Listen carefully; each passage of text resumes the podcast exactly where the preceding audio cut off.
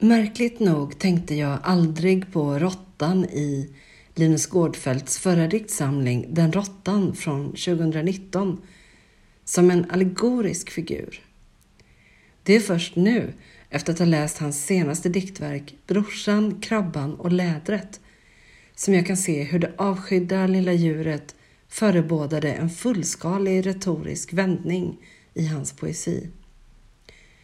Från vardagens leda och vämjelsens poetik, som Hanna Nordenhög så träffande kallade det i sin recension här på Örnen och kråkan, till något som närmast påminner om en medeltida ballad omskriven av Brecht. Diktsamlingen Brorsan, krabban och lädret är uppdelad i åtta delar och utspelas någonstans i den svenska landsbygden i närheten av Vänern. Dikten sjungs fram av en för dikten central figur som kallas för brorsan. Vid ett par tillfällen upplåter brorsan sin röst åt andra figurer som kallas för lädret, krabban, fyllot och spöket. På medeltida vis förkroppsligar de var och en ett abstrakt begrepp. Lädret personifierar skaparkraften, krabban festens upproriska väsen, fyllot förgängligheten och spöket ödmjukheten inför allt detta. I den första delen, brorsans intro, introduceras vår bard. Brorsan är en helig dåre, en skälm som sjunger om citat, ett språk av skinn och ben som burits genom allt detta brustna. Slutcitat. Här i inledningen sjunger han med en röst som är igenkänningsbar som nyktert lyrisk, om än med vissa föraningar om den fyllesång som komma skall.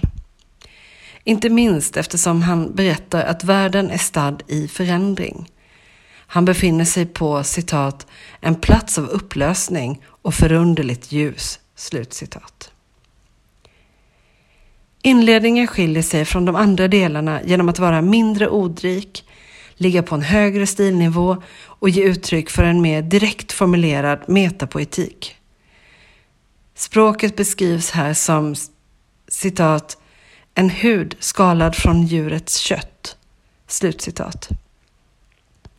Det är materiellt, kroppsligt och mycket långt från elfenbenstornet.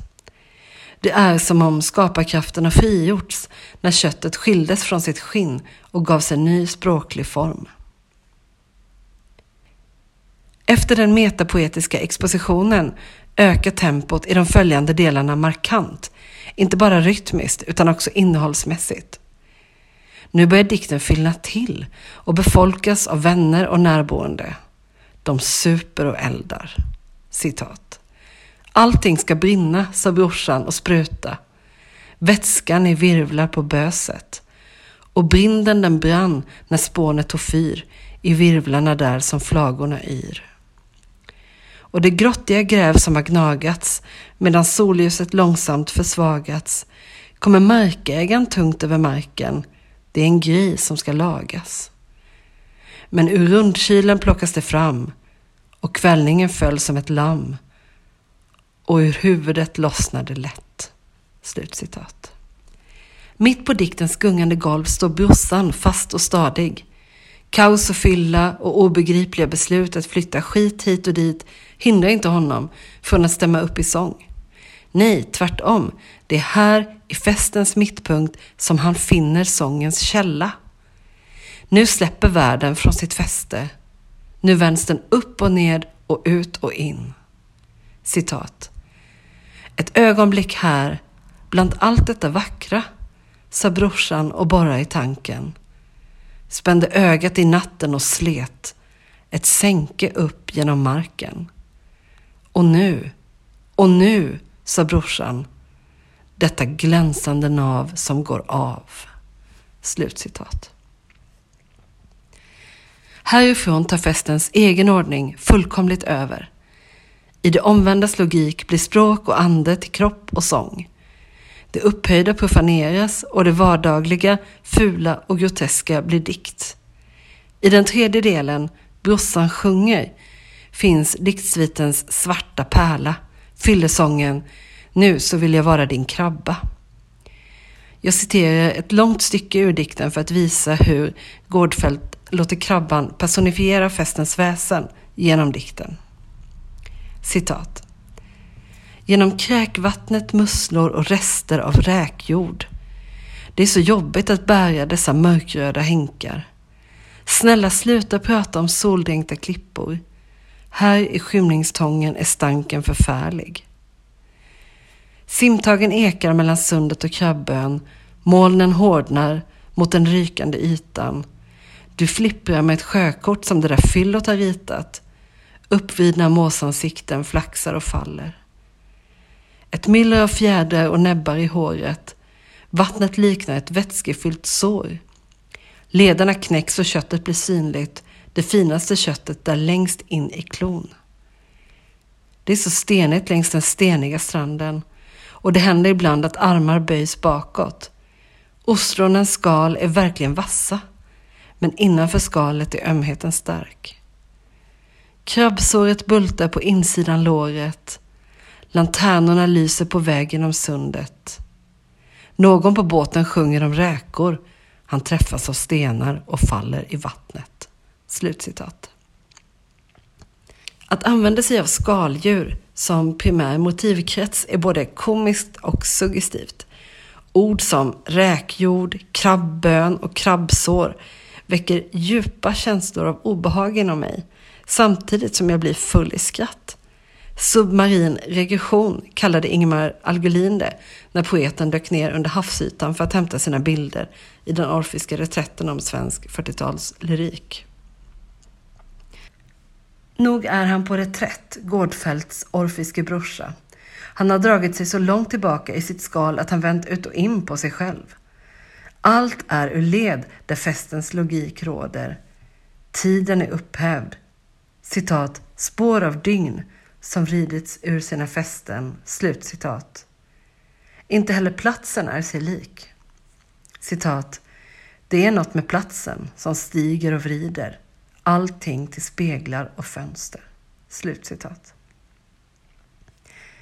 Den ryske litteraturvetaren Michail Bakhtin skrev i boken Rabelais och skrattets historia om hur folkkulturens skratt uttryckt i karnevalsformer som rite och skådespel vänder upp och ned på rådande ordning. Som litterär figur gestaltar festen en reva i normaliteten en reva som förstås är helt nödvändig för att upprätthålla samma normalitet och makt som den tillfälligt upphäver. Jag skrattar åt att Gårdfält i Krabbans låt låter skicka poeten över bord. Den som sjunger om räkor träffas av en sten och faller i vattnet. Men skrattet är alltid ambivalent. För var i består den normalitet som Gårdfält överger? Jag vet inte, men jag uppfattar den här diktsamlingens ärende som en uppmaning att ställa sig frågan om diktens normer. Vad förväntar jag mig av diktjaget?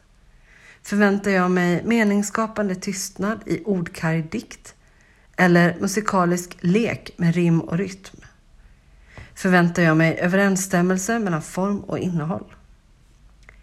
Gårdfälts dikt visar hur festens upp och nervända värld där skrattet, grotesken och överdriften för en kort och avgränsad tid blottlägger våra föreställningar om dikt och diktare idag, också kan sägas ge uttryck för en livshållning. För när dikten fungerar som bäst påminner metoden om Brechts främmandegöringseffekt genom att peka på dikten som just dikt med hjälp av låtar, rim, dialektala inslag och allegoriska figurer som lädret, krabban, fyllot och spöket tvingas jag som läsare att upprätta en kritisk distans till det jag läser. Jag ska helt enkelt inte sitta passivt bakåtlutad och låta dikten göra hela jobbet. Det är jag som läsare som med mitt skratt citat förnekar och bekräftar begraver och på nytt föder på samma gång, slutcitat, som Bakhtin skriver. Skrattet är en glänta som öppnas i mötet mellan dikten och läsaren. Där finner jag ett rum som tillåter mig att njuta av diktens lekfullhet, dess musikaliska kvaliteter och dess upprorsanda. Genom skrattets främmandegörande kraft kan jag också öppna mig för festens mer existentiella dimensioner. Då blir festens alla profana delar ett led i förberedelserna för en ritual som renar och möjliggör på nyttfödelse. Gårdfält skriver, citat, och nattsänket går genom bygden, satelliter och stjärnor som blinkar. Allting är upplöst, allting är rent, i smutsen som sköljer allt rent. Slutcitat. Vad är det dikten renar oss från? Jag tror att vi ska lyssna efter svaret i lädrets och spökets låtar som besjunger förgänglighet, förändring och frammanande av skaparkraften. Lädret sjunger, citat, Lyssna nu när lädret lossnar. Språket är ett splittrat djur. Lossnar lätt från lädertungan. Ganska sexigt, eller hur? Slutcitat. Och spöket svarar med ett mystiskt, metapoetiskt memento mori. Citat. Visst kan vattnet flöda fritt ur källan, men i källaren finns spöket kvar. Vrider med sin spökhand kranen tills inget flödar utanför. Slutcitat. Pendelrörelsen mellan form och innehåll stannar aldrig upp. Efter en stunds kontemplation på verandan får brorsan visioner om Lascaux-grottornas målningar. Över trädtopparna hörs festens larm som en både lockande och hotfull möjlighet om något annat. Något obestämbart och kanske djupt ursprungligt. Citat. I dagsljuset låg allting upplyst. Allt var kantstött men flöt som en sång. Med stukad rytmik, ett slags utspridd musik som pulserade fram över nejden. Slutcitat.